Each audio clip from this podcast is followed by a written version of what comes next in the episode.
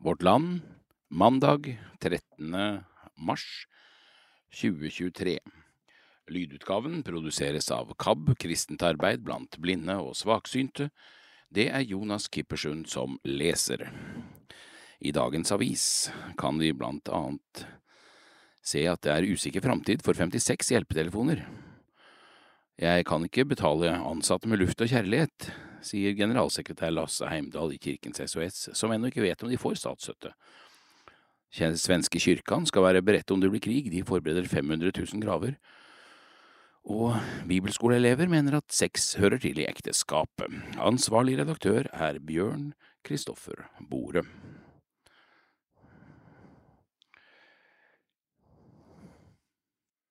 Alternativ lederartikkel i dag. Hva mener Vårt Land i dag? Framover vil du ikke finne den daglige lederartikkelen i Vårt Land på mandager.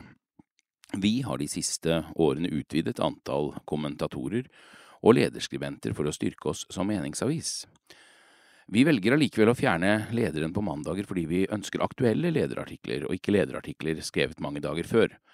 Lederartikler skrevet i helgen blir heller ikke underlagt den brede diskusjonen vi kan ha på redaktørhold i ukedagene. Å fjerne lederartikkel mandager frigjør også tid og ressurser til mer meningsstoff andre dager.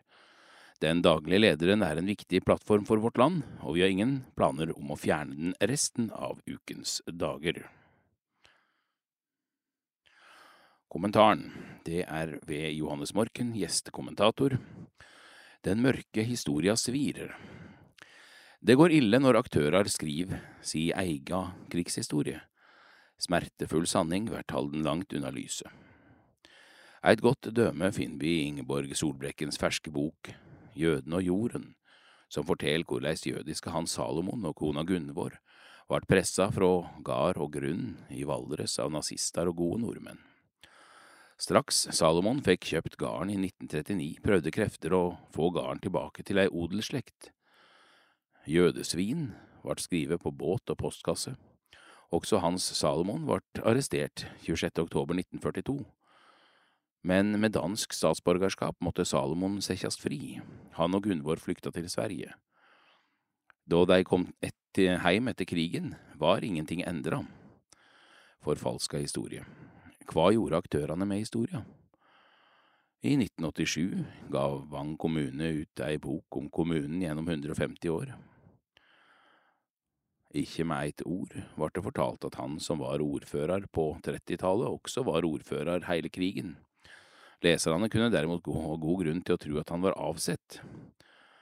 Det var ikke lenger plass for de gamle folkevalgte lo lokalpolitikerne, sitat. men det var ei løgn, det var god plass for alle som gikk inn i NS. Slik forfalska kommunen sin eiga historie.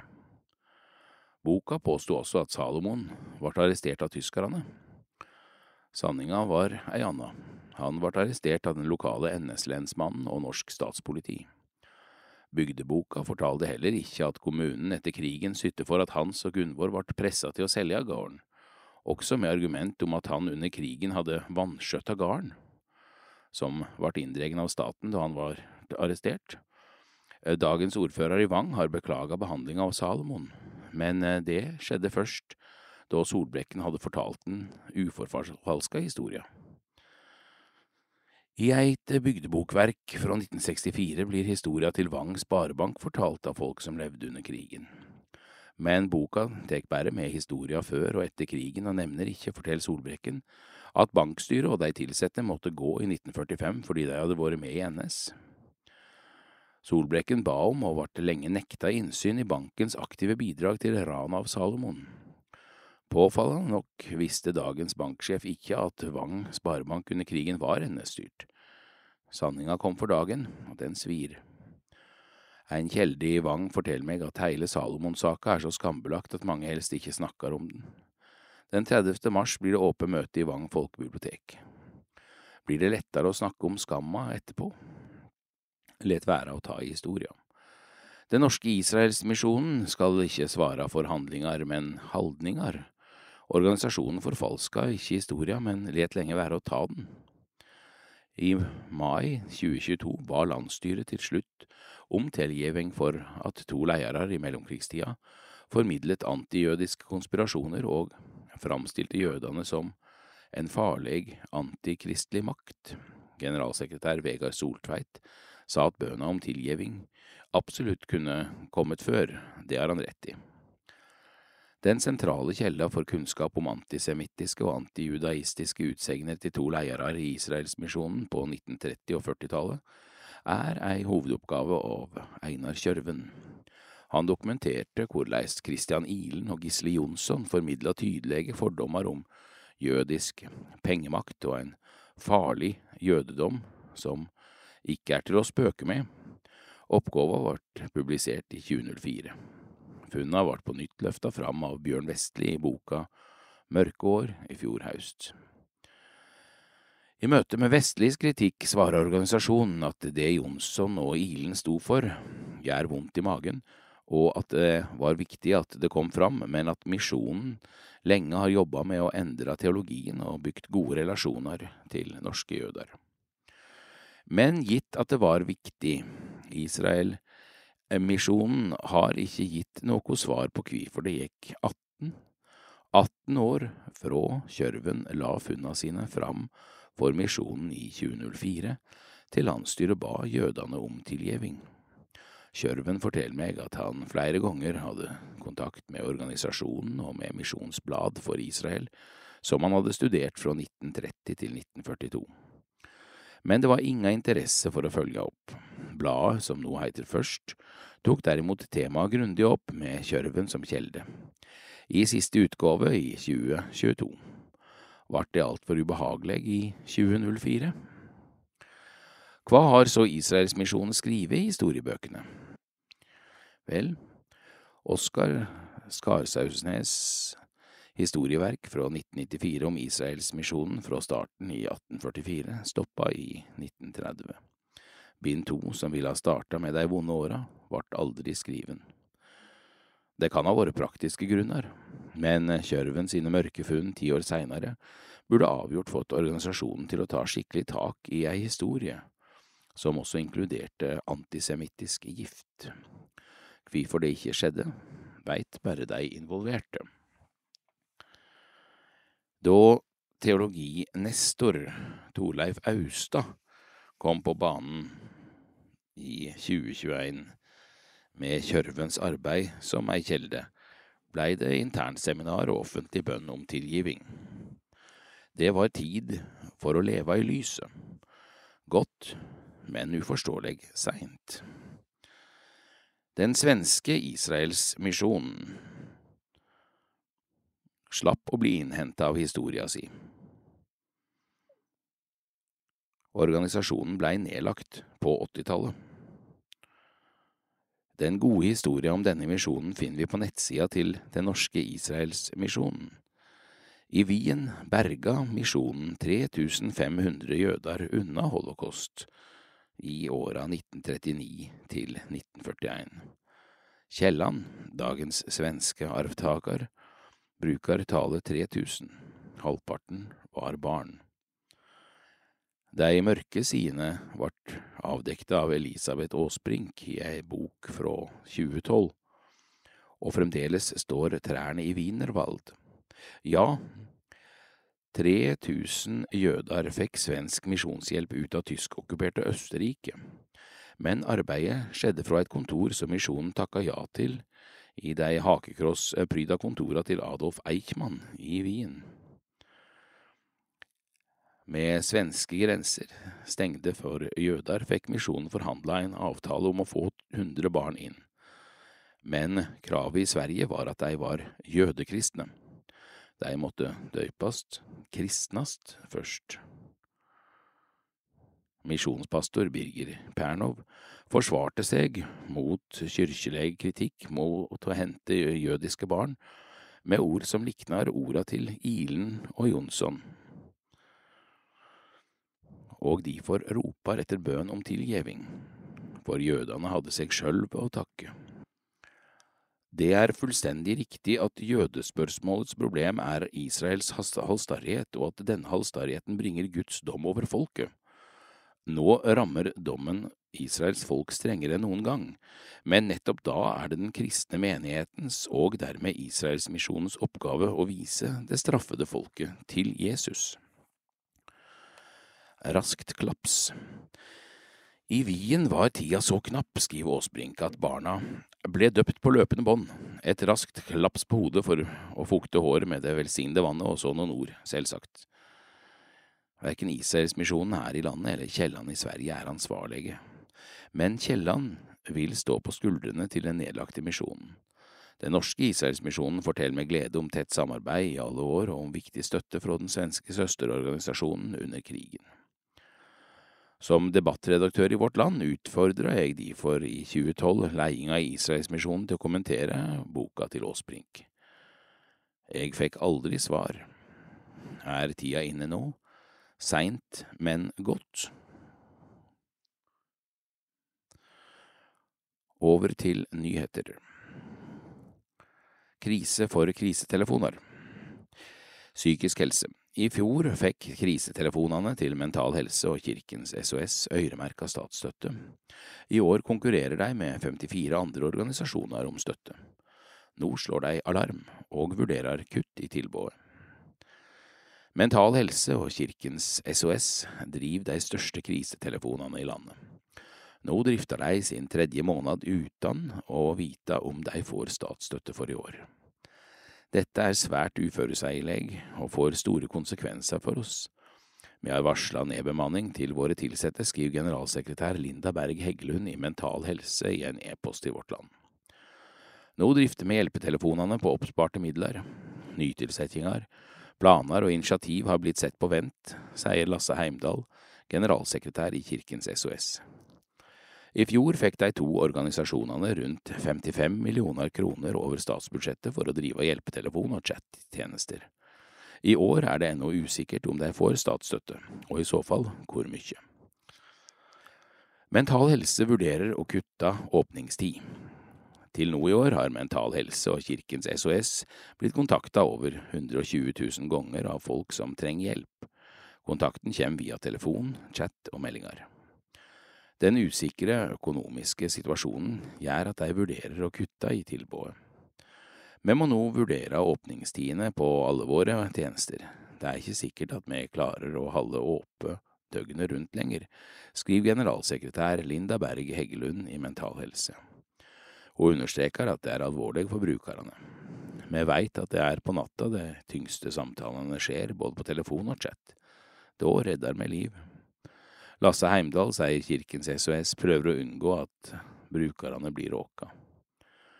Men det er bare et tidsspørsmål før vi må begynne å kutte i tjenestene, sier han. Har nesten 100 årsverk totalt. Kirkens SOS har 47 årsverk fordelt på 60 ansatte og rundt 11 000 frivillige.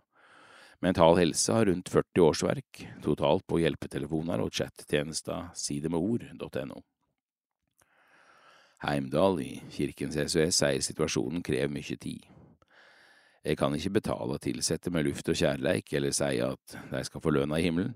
Nå bruker jeg en del tid på å roe ned ansatte og hindre kompetanseflukt. Det er dumt å måtte bruke tid på det i stedet for å hjelpe folk i nød. Han legger til. Vi skal jo hjelpe folk som er i krise, da bør vi unngå at det er krisestemning blant oss ansatte og frivillige i Kirkens SOS. Fra øremerking til støtteordning. Regjeringa har endra støtteordninga for krisetelefonene. I fjor fikk fem organisasjoner til sammen 61 millioner kroner øremerkt over statsbudsjettet. Mental Helse og Kirkens SOS var de største mottakerne, de fikk rundt 27 millioner hver. I år får ikke Mental Helse og Kirkens SOS øremerkte midler, de må heller søke om en felles pott på 72 millioner kroner. Potten blir formidla av Helsedirektoratet, som har fått inn 62 søknader fra 56 organisasjoner. Det betyr jo at det er noen som ikke kommer til å bli prioritert, med frykt av konsekvensene av den omlegginga som regjeringa og Stortinget har gjort, skriver generalsekretær Linda Berg Heggelund i Mental Helse. Lasse Heimdal i Kirkens SOS sier at omlegginga dels kommer av at regjeringa ønsker mer faglig koordinering og samarbeid. Det støtter jeg, men det burde skjedd i dialog med oss, og det burde ikke skje over natta. Å tvinge hjelpetjenestene ned i kne økonomisk er ei veldig dårlig løysing, sier Heimdal. Omlegginga skjer etter en større ryddejobb regjeringa gjør blant ideelle organisasjoner i statsbudsjettet. Vårt Land omtala dette i fjor høst. Kjerkol. Ap må svare i Stortinget. Onsdag må helseminister Ingvild Kjerkol Ap svare i Stortinget. Hun blir utfordra av Frp-representant Bård Hoksrud i spørretimen. Han vil vite om Kjerkol mener dette er godt nok, når Mental Helse og Kirkens SOS ennå ikke veit om de får statsstøtte i år. Dette er hjelpetjenester som er viktige for mange. Det er veldig alvorlig at dette ikke er på plass, sier Hoksrud til Vårt Land. Departementet vil ha likebehandling. Jeg forstår at Kirkens SOS ønsker et snarlig svar, og at de er opptatt av å gi et godt tilbud til brukeren, brukeren skriver statssekretær Carl Christian Bekkeng, Ap i Helse- og omsorgsdepartementet, i en e-post til Vårt Land. Statssekretæren viser til at regjeringa vil vekk fra ei ordning hvor mange enkeltmottakere får øyremerka tilskudd. Derfor har pengene blitt flytta inn i tilskuddsordninger som det kan søkes på. Det må være kvaliteten på tilbudet som avgjør hvor mye midler en får. Det vil også gi større likebehandling. Direktoratet lover snart svar. Helsedirektoratet forvalter støtteordninga til telefon- og chattjenester innen psykisk helse, rus og vold. Direktoratet opplyser til Vårt Land at søknadene nå er gjennomgått, og at organisasjonene sannsynligvis vil få svar i løpet av denne veka. Planen var å sende ut svar 1. mars, men prosessen ble forsinka av mangelfull informasjon i enkelte søknader, ifølge direktoratet. Vårt Land har fått tilsendt lista på de 56 søkerne fra Helsedirektoratet. De har til sammen sendt inn 62 søknader. Mellom disse er flere små stiftinger, norske kommuner og Oslo bydeler.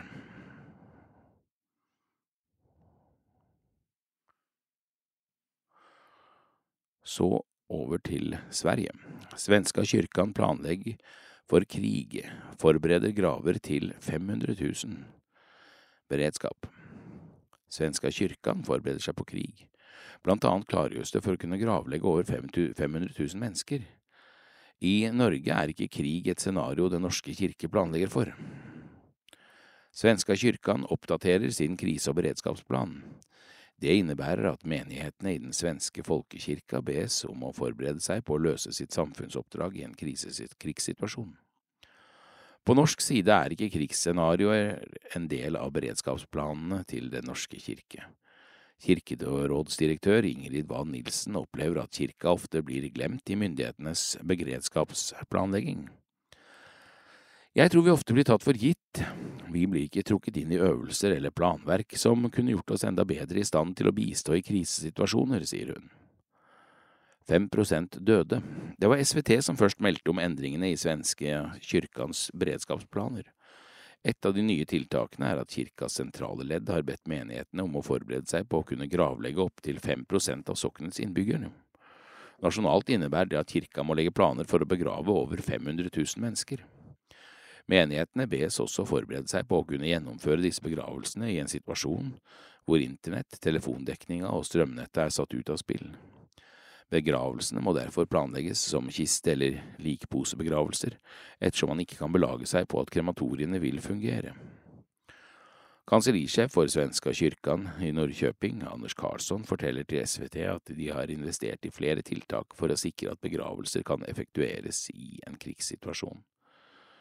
Nye reserveaggregater til krematoriene vil sikre at påbegynte kremasjoner kan fullføres dersom strømnettet ryker, de har også kjøpt inn nummerbrikker som skal brukes til å merke uidentifiserte døde, mens flere fysiske kirkegårdsbøker skal gjøre kirka i stand til å dokumentere begravelser dersom det elektroniske systemet svikter.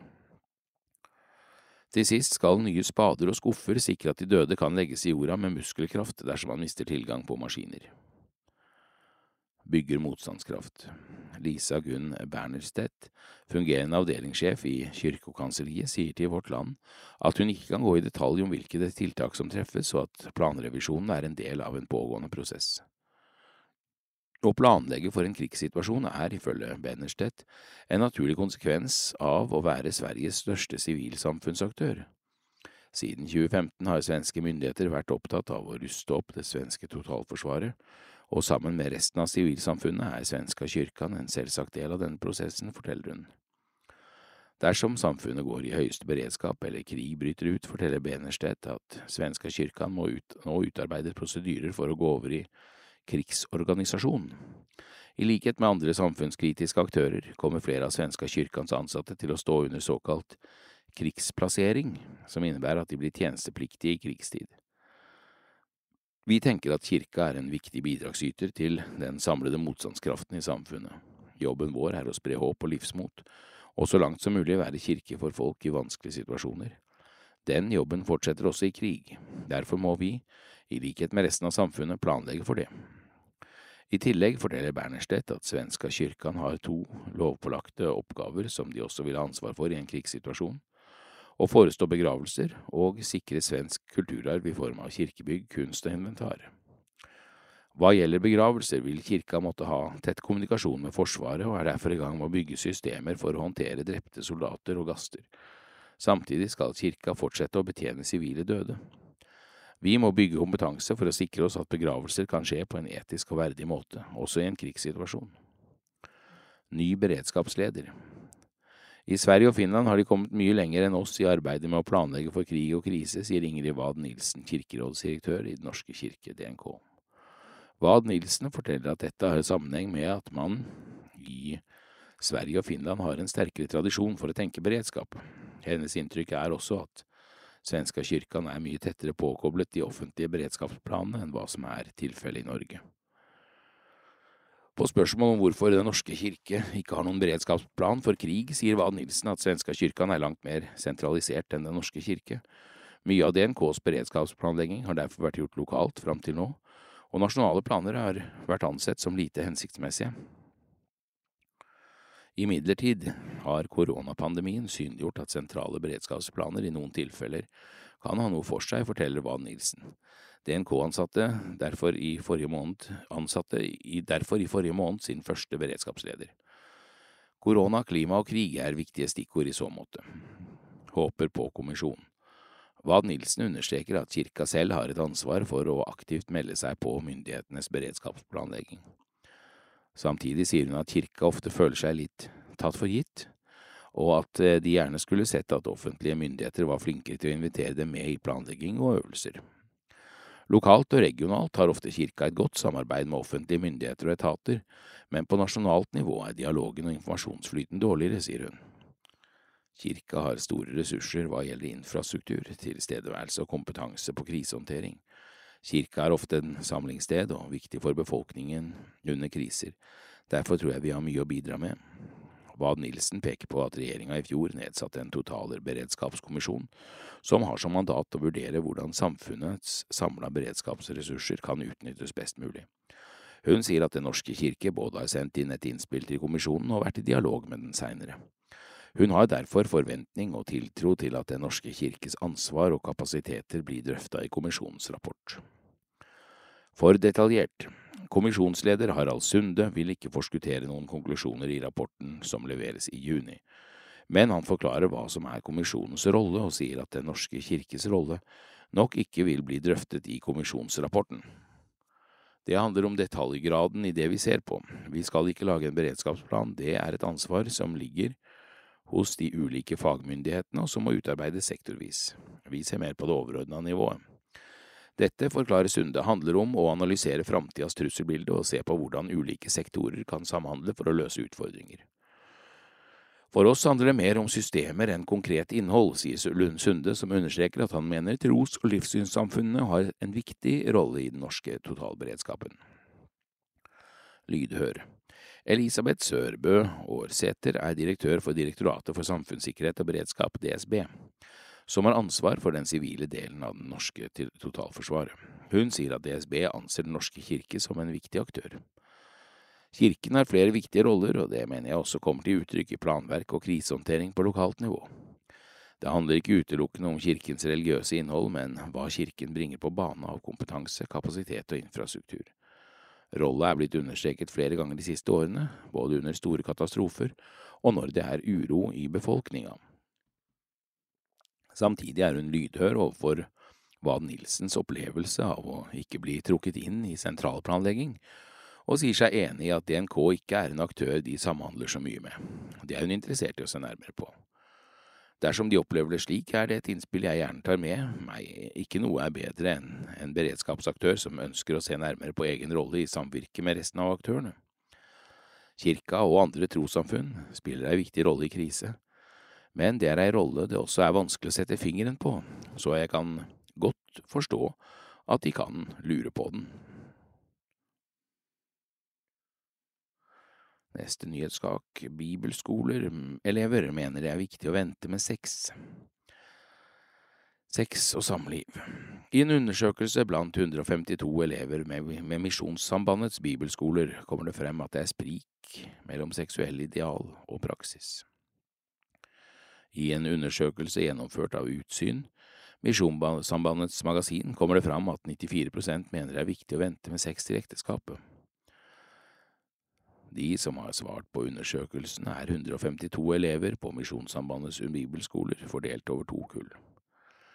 Det er et ideal å vente til man er gift, men det snakkes lite om hvordan og hvor vanskelig det er.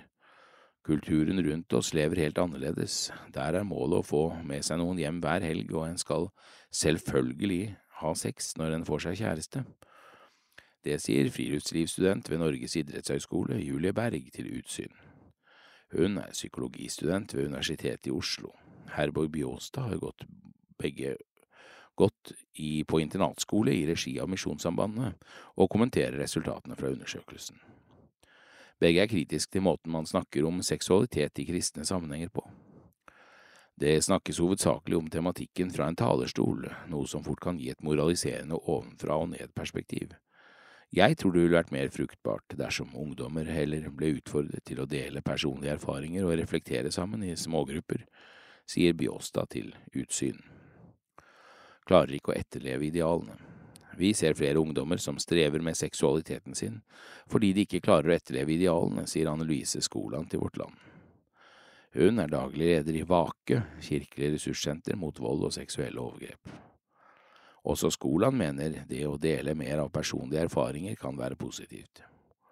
I en slik sammenheng vil jeg tro det er et tabu å si at man har hatt sex, men vi bør jobbe for å skape en kultur der vi kan snakke sant om livet. Det grunngir hun med at det både kan bli uheldig mye skam knyttet til sex og seksualitet. Hun nevner også en annen grunn. Jeg lurer på om det at man ikke kan snakke åpent om egen seksuell erfaring, kan gjøre det vanskeligere å si fra om seksuelle krenkelser. Over halvparten har opplevd sexpress. I undersøkelsen kommer det også frem at over halvparten av de spurte har opplevd sexpress. 51% av de spurte har opplevd det utenfor kristne miljøer, 9% i kristne miljøer. Skolan tar forbehold om at det er en relativt liten undersøkelse, og at det ikke nødvendigvis gir et representativt bilde av situasjonen. Vakelederen er overrasket over at forskjellene er så store. Hvis det stemmer, så viser undersøkelsen en gledelig sammenheng med mindre opplevd sexpress i kristne miljøer. Skolan trekker også frem at ulike personer kan definere spørsmålet om å oppleve en forventning om å ha sex ganske ulikt. Vårt Land har tidligere omtalt undersøkelsen, der det også kom frem at hver tolvte av de spurte bibelskoleelevene har opplevd seksuell trakassering i kristne miljøer. Skolen berø Skolan berømmer Misjonssambandet for å utføre undersøkelsen, og mener det betyr at de tar tematikken på alvor. Man kan ikke gjøre noe med noe man ikke vet om.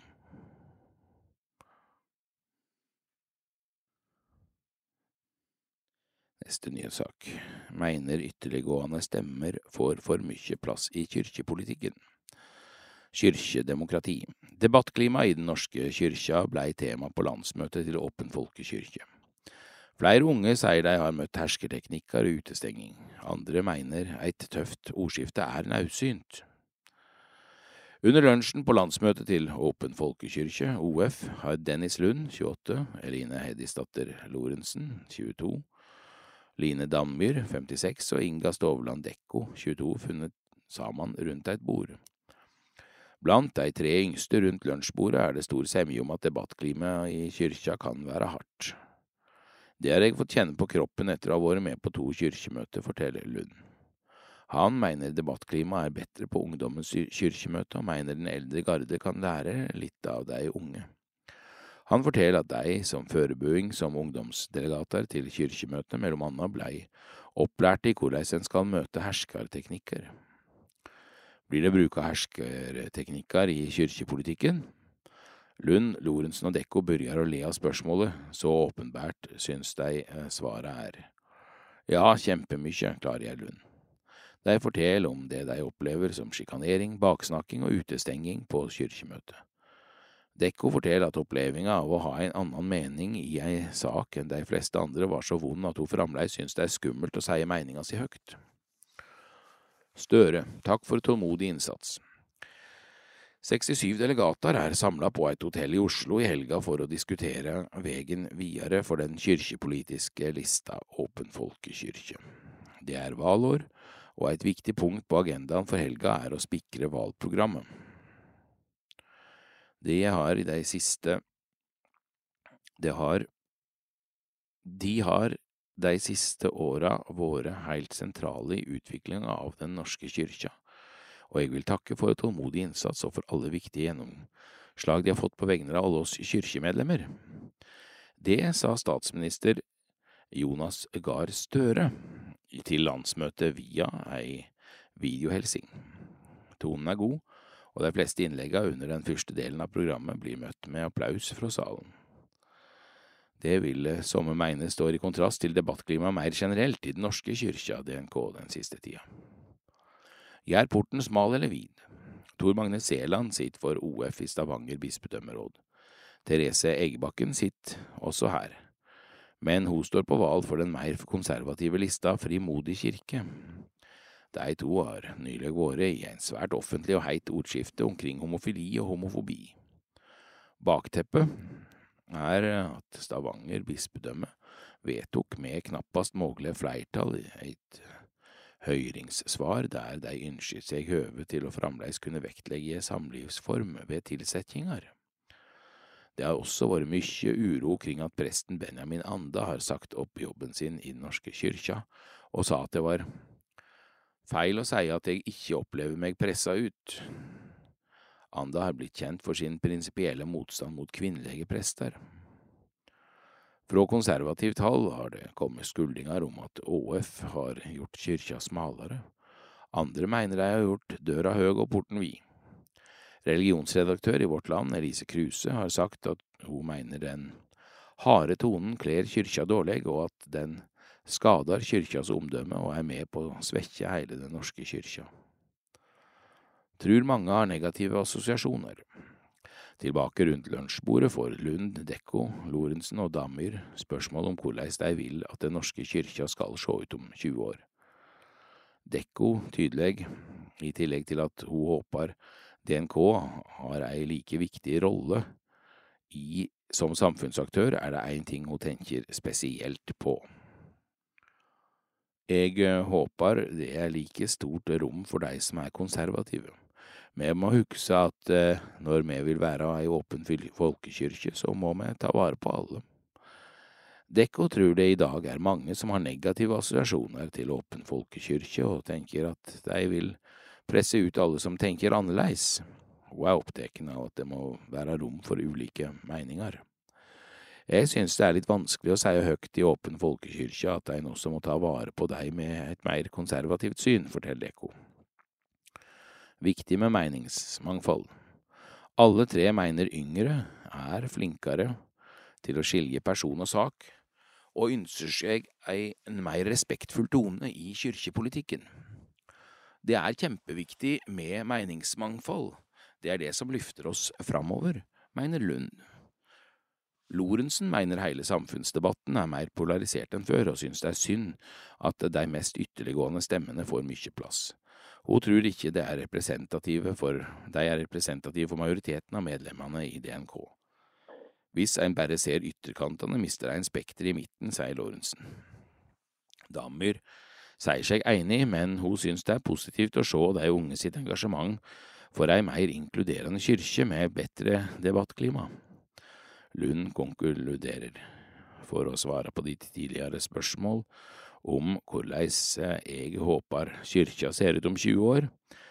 Jeg håper det er et veldig stort rom for å være saklig uenig og med stor gjensidig respekt. Håplaus argumentasjon. Vårt Land tek en prat med leder for OF sitt lokallag i Borg, Geir Magnus Valderhaug, i pausen. Han mener ikke samtaleklimaet i dag er for tøft.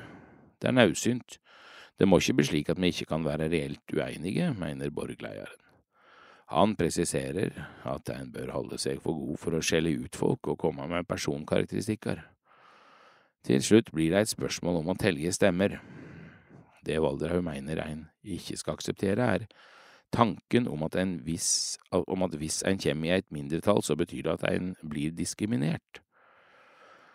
En slik argumentasjon er det mest håpløse jeg ser i disse diskusjonene.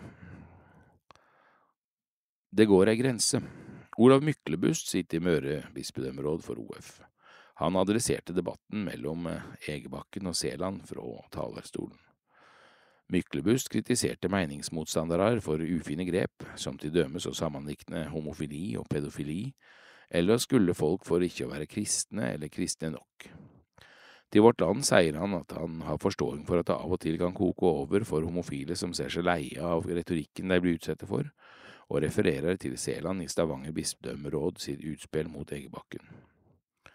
Det går ei grense for hva en skal akseptere, mener Myklebust. Likevel sier han seg enig i at det voksne kyrkjedemokratiet nok kan lære litt av ungdomsdemokratiet når det gjelder å holde et saklig og respektfullt debattklima. Over til verdidebatt. Først ut er et innlegg fra Ole Peder Kjelstadli, tidligere leder Foreningen Retten til en verdig død. Staten bør hjelpe til med en human og verdig avslutning av livet. Aktiv dødshjelp. KrFU-leder Hadle Rasmus Bjuland skriver i Vårt Land at vi ikke løser utfordringene i helsevesenet med å åpne for aktiv dødshjelp, og at det er helt feil medisin. Det har han rett i, ja, det er til og med helt feil diagnose. Frivillig aktiv dødshjelp eller livsavslutning skal på ingen måte avhjelpe personalsituasjonen i et overarbeidet helsevesen, ei heller for å svare, spare penger, og det er heller ikke hjelp til selvmord. Hvem har egentlig rett til å tvinge en pasient til å oppleve en langsom og smertefull død? Frivillig aktiv livsavslutning skal være et tilbud slik at det kan få åpnes en vei ut av meningsløs lidelse, når nettopp dette er vårt høyeste ønske, jeg er veldig uenig med Bjuland som hevder at aktiv dødshjelp er prinsipielt galt, fordi det rokker med synet på menneskets verdi. Rettigheten til å leve et verdig liv innbefatter etter min mening også anerkjennelse av individets rett til å dø med verdighet. Sammenlignes med abort. Rettferdighet, eller likerettsprinsippet, er viktige verdier, og her ligger det nær å sammenligne med abort liksom kvinner i ulike økonomiske situasjoner ikke hadde like muligheter til å fjerne et foster på en skånsom måte før loven om selvbestemt abort trådte i kraft, men måtte tåle smertefulle og helsetruende inngrep, vet vi at alvorlig syke og lidende mennesker med økonomiske midler og gode forbindelser i dag gjerne får den hjelpen de ønsker når de ikke lenger holder ut. Andre må enten stå lidelsen ut eller ty til selvmordsmetoder som er sterkt belastende, både for dem selv og omgivelsene. Katti Anker Møller skrev i 1913 at kvinner som fikk utført abort, måtte gå fri for straff, og ville frita leger for straff ved abortinngrep, for å spare kvinners liv. Grunnlaget for all frihet må være rådighet over egen kropp og hva i den er. Det motsatte er en slaves tilstand, sa hun et av over 70 foredrag om ugifte mødre og deres barns rettigheter. Slik kan vi også tilnærme oss temaet å dø med verdighet. Og når det snakkes om verdighet, 18. desember 2005 ble Sharon innlagt på Hadasha Ein Kerem sykehus i Jerusalem. Sharon kom aldri tilbake til bevissthet og lå i koma på Sheba-sykehuset nær Tel Aviv til sin død i januar 2014. Er dette en verdig måte å avslutte livet på? Feiltolker undersøkelser Bjuland feiltolker undersøkelser fra den amerikanske delstaten Oregon, hevder at 40 prosent av alle som ønsker å ta aktiv dødshjelp, og begrunner det med at de føler seg som en byrde for familien sin. Vi finner etter min oppfatning det klart beste systemet for dødshjelp i Oregon, der loven om verdig død har fungert i vel 20 år. Oregons dødshjelpspraksis er grundig vurdert av myndigheter og forskere. Professor Barbara Gildwell, som har arbeidet med å utdanne og hjelpe helsepersonalet til å gjennomføre oppgavene på best mulig måte, sier i en rapport at det ikke finnes noen støtte til påstander om at en slik praksis vil føre til utglidning og uverdige tilstander i dødspleien. Derimot kan vi si at tusener av lidende er trøstet og styrket ved å vite at, de kunne vært mulig, at det kunne vært mulig å få dødshjelp hvis sykdommen ble utholdelig. 90 prosent av disse døde hjemme under pleie av det allmenne hospice-tilbudet. Prinsipper for en verdig død. Å vite når døden kommer og forstå hva en kan forvente. Å være i stand til å bevare kontrollen over det som skjer. Å være i stand til å opprettholde verdighet og privatliv, å ha kontroll over smertelindring og andre symptomer, å ha kontroll med hvem som er til stede og hvem som skal dele den siste stunden, og kunne komme med ønsker som en vet vil bli respektert, og ha tid til å si adjø og ha kontroll over andre tidsmessige forhold. Å få lov å dø i tidens fylde og ikke få livet forlenget formålsløst. Professor Jan Bernheim i Belgia er en av de fremste talsmenn for at mennesker i en uhelbredelig situasjon selv skal kunne treffe beslutning om en human og verdig avslutning på livet. Han viser at praksis i Belgia er at lindrende behandling og frivillig dødshjelp er verken alternative eller motstridende. Foreningen Retten til en verdig død har en visjon om at et, samfunn hvor legevitenskap og sykepleie i positivt samspill med etikere og lovgivere kan skape et samfunn hvor alle mennesker kan gå døden i møte med visshet om at det vil åpnes en vei ut av meningsløs lidelse, når nettopp dette er vårt høyeste ønske.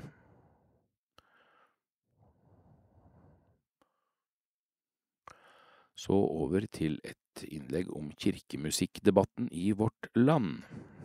Det er skrevet av Katrine Nyheim og Tor Henning Isaksen, nestleder og forbundssekretær i Creo. Kirkemusikk Vi har registrert noen foruroligende tendenser gjennom de siste åra, og som fagforening finner vi nødvendig å rope varsko om denne utviklinga. I Creo har vi med opprømthet og tilfredshet fulgt med i debatten som har gått for seg etter at forbundssekretær Tor Henning Isaksen framsatte noen friske påstander i Vårt Land 2. februar. Noen ganger kan det være nødvendig å ta fram megafonen eller å skrive igjen ekstra store bokstaver for å bli hørt og sett. Etter den siste måneds skriverier finner vi det opportunt å presisere følgende.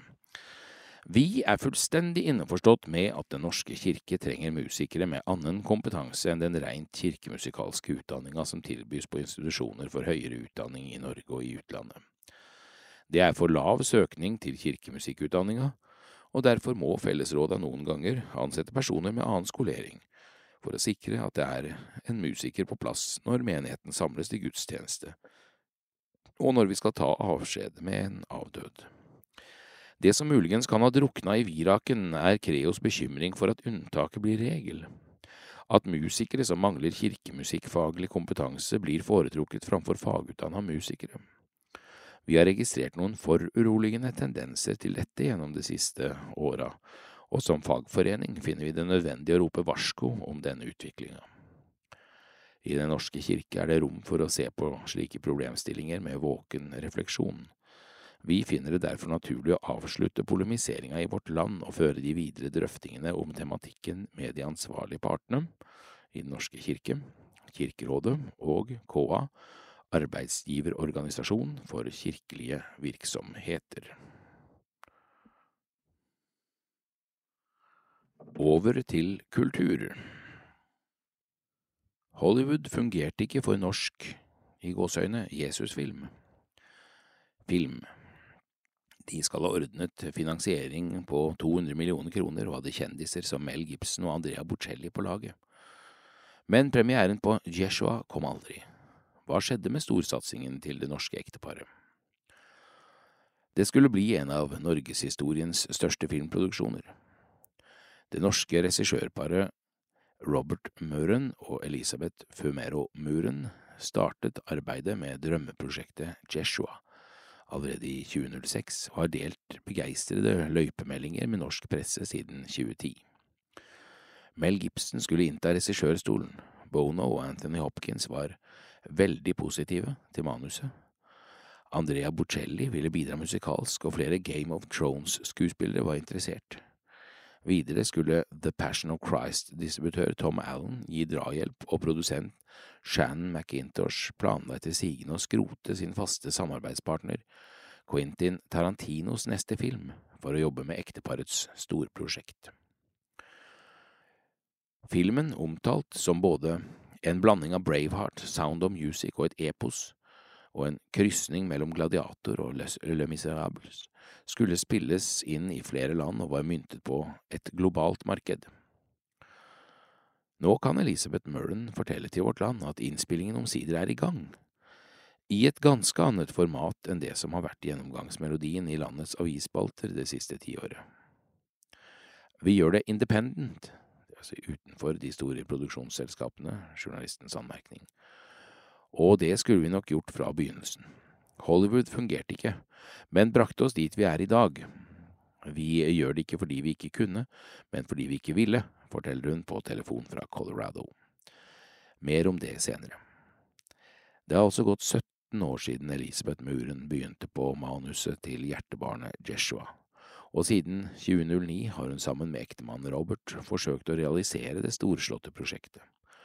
Våren 2010 ble det for første gang omtalt i pressen. Lager Hollywood-musikal om Jesus, skrev Adresseavisen. Filmen tar for seg de siste dagene i livet til disippelen Peter. Handlingen foregår i år 64, i et Roma som brenner og der de kristne blir forfulgt. Disippelen Peter er blitt en gammel mann, og gjennom mareritt og minner tar seeren del i hans opplevelser, har hun tidligere fortalt til Vårt Land. Innspillingsdatoer og premiere har blitt bebudet gjentatte ganger. Etter planen skal Jeshua spilles inn i 2012 og vises på kinolerret året etter, skrev Adresseavisen våren 2010. Høsten samme år var planen til og med fremskyndet.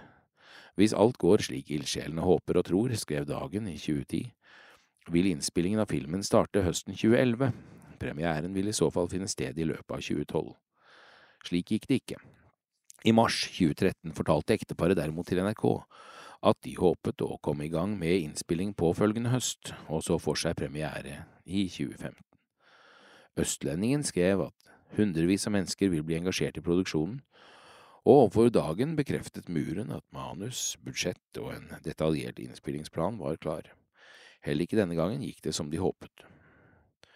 Noen år senere ble det igjen annonsert at ting var i ferd med å skje, Sommeren 2017 var finansieringen på 200 millioner kroner på plass, og innspillingen var like rundt hjørnet, ifølge Avisa Norge i dag.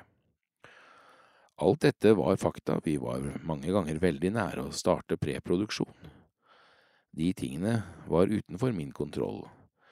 Filmbransjen er sånn at mye kan være på plass med penger og planer, og så forandrer noe seg like før det skjer, sier Elisabeth Muren om alle de utsatte datoene.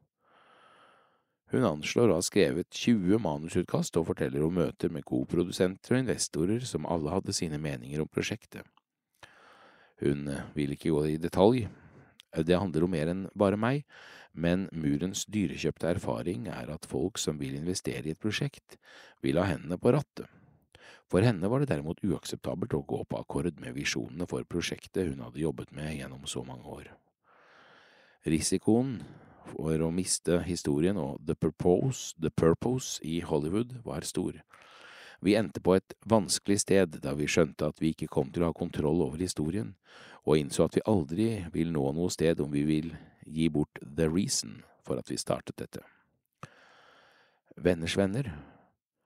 Men hvor ble det av alle kjendisene, og hvordan kom et Løten-basert ektepar i det hele tatt i kontakt med kjendiser som Mel Gibson og Andrea Bocelli? Svaret på det, ifølge Elisabeth Muren, er produsent Shan McIntosh. Hun har produsert mange av Quentin Tarantinos filmer, og var i 2020 nominert til Oscar for arbeidet med Once Upon a Time in Hollywood. Før den tid lå det an til at hun skulle produsere Jeshua, forteller Muren. Jeg kom i kontakt med henne gjennom Tom Newman, en trosbasert produsent som også var med. Det var Shannon som hadde alle forbindelsene og som introduserte oss til andre navn. Hun heier fortsatt på prosjektet, men er ikke produsent lenger. Også skuespiller og regissør Mel Gibson, særlig kjent for Braveheart 1995 og The Passion of the Christ 2004, var det McIntosh som fikk involvert i prosjektet. Muren forteller at han var med i sin tid. Venners venner og utvidede omgangskretser er god valuta i Hollywood. Det var nettopp via en annen felles bekjent, Raniero Cantalamessa, at Muren kom i kontakt med stjernetenor Andrea Bocelli. Han var begeistret for prosjektet og ville være med, men akkurat nå er heller ikke han involvert. Det var da vi skulle gå The Hollywood Route at disse var involvert. 200 millioner kroner. Og ambisjonene har gjenspeilt seg i budsjettene. I 2013 skrev NRK at budsjettet var på 60 millioner kroner. Fire år senere hadde budsjettet mer enn tredoblet seg. Finansieringen på 200 millioner kroner er nå på plass, skrev som nevnt Avisa Norge i dag i 2017. Pengene har kommet fra flere hold. Stiftelsen Covenant Ministries ble etablert i 2009 og har blitt omtalt som ryggraden i utviklingsfasen av filmen. TNC Productions er det Kristiansand-baserte selskapet bak prosjektet, som også har produsert flere scenemusikaler. Muren-ekteparet har nemlig satt opp en rekke musikaler, i både Israel og USA, og flere av disse har også blitt satt opp her til lands. En gruppe norske investorer involverte seg tidlig i filmprosjektet. Deriblant investerte Philadelphia Kristiansand 200 000 kroner i 2011. Mer enn 70 selskaper og enkeltpersoner sto som aksjonærer, aksjonærer i TNCs årsregnskap for 2020, deriblant flere norske menigheter. Elisabeth Muren forteller at en kombinasjon av europeiske insentivordninger og amerikanske i parentes investorpenger har ligget på bordet de gangene innspillingsdatoer har vært markert i kalenderen. Hva vil du si til norske menigheter og privatpersoner som tidlig la penger i prosjektet? De pengene ble brukt for å gjøre omskrivinger og inngå kontrakter med produsent og skribenter. De ble reist og skapt for å utvikle prosjektet. Verdien av de midlene er manuset vi har i dag. Mange runder i ørkenen. Og nå mener Elizabeth Muren altså være på rett spor. Hun og familien bor i Colorado, og hun er administrerende direktør for mediefakultetet ved Caris Bible College og leder skolens film- og produksjonslinje.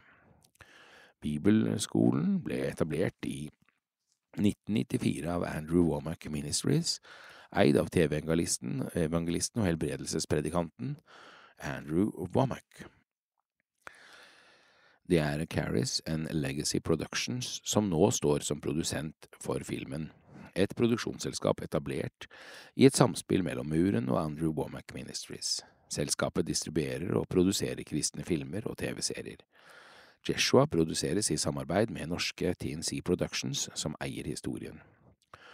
Kommunikasjonsavdelingen på Caris Bible, Bible College har studio, nær 100 ansatte samt rekvisitter, kostymer, kameraer og lys- og lydutstyr in house.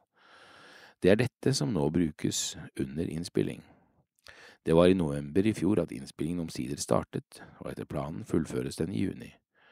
Klok av skade vil muren verken røpe budsjett eller anslå premieredato. Vi gikk mange runder i ørkenen, men endte opp med kunnskap og kontakter. Det var en trøst da Mel Gibson sa at for ham tar det 10–15 år å fullføre en film, sier hun. Luftslott Lite av det som har blitt markedsført har endt med å skje. Hva vil du si til den som tolker dette som et luftslott? Det er kanskje sånn det høres ut, og det er sikkert sånn du vinkler det. Jeg har ingen problem med å innrømme at jeg hadde gått, at jeg, hadde jeg gått en helt annen vei i dag. Samtidig er jeg ingen måte skuffa eller lei meg, jeg opplever at jeg ikke ville vært der jeg er i dag, hadde jeg ikke vært gjennom dette, sier muren og fortsetter. Jeg var supernaiv og kjente ikke bransjen, og det ene leddet til det andre og til det tredje. Det ene ledet til det andre og til det tredje, men jeg visste hele tiden at jeg ikke ville lage en film for å lage film, men finne en måte å kommunisere Guds ord på. Da jeg snakket om prosjekter i norske menigheter, snakket jeg ikke om å lage den største norske filmen som er laget. Jeg snakket om at Gud sa at det enkle vi kan gjøre, er det som skal få verden til å tenke på ham.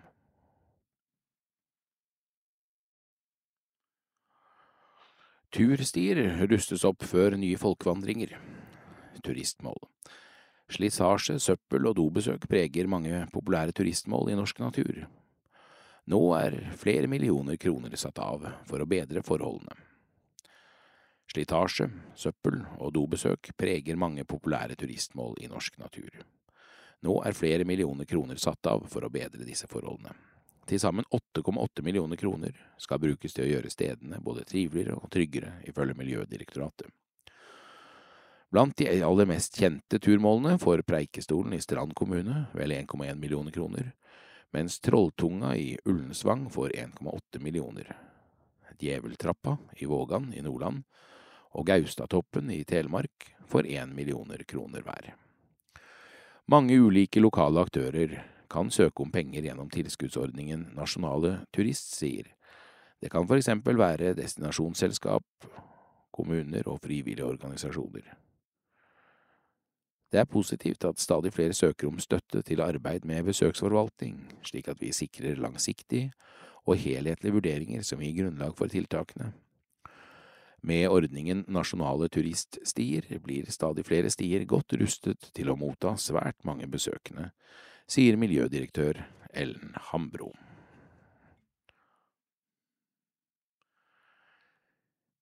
Ettertanken er i dag ved Paul Erik Virgenes, sokneprest i Ris og Holmenkollen.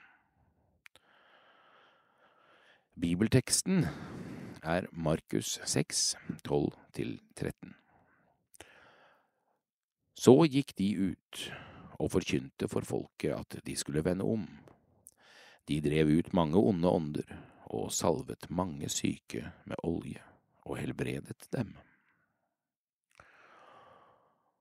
Oppsummering Jeg lærte tidlig som student å bli glad i sammendragene. Dette var korte oppsummeringer som sto enten i starten av et kapittel eller på slutten. Dels var de veldig gode å repetere etter, men enda viktigere var det at de ga nødvendig lesehjelp til innholdsmettede studiebøker. Jeg skjønte at ved å lese sammendraget først og grundig, så fikk jeg tolkningsnøklene til det jeg skulle fordype meg i. Fascinerende nok er det en rekke små sammendrag rundt omkring i evangeliene. De består vanligvis av to til tre setninger, som gir gode oppsummeringer av det som skjer. Dagens korte tekst er den eneste av sammendragene om disiplenes tjeneste. De forkynte, og de helbredet, det er mange flere slike korte oppsummeringer som trekker sammen det Jesus gjør, og interessant nok så sier de akkurat det samme. Jesus forkynte Guds rike, og han helbredet mennesker.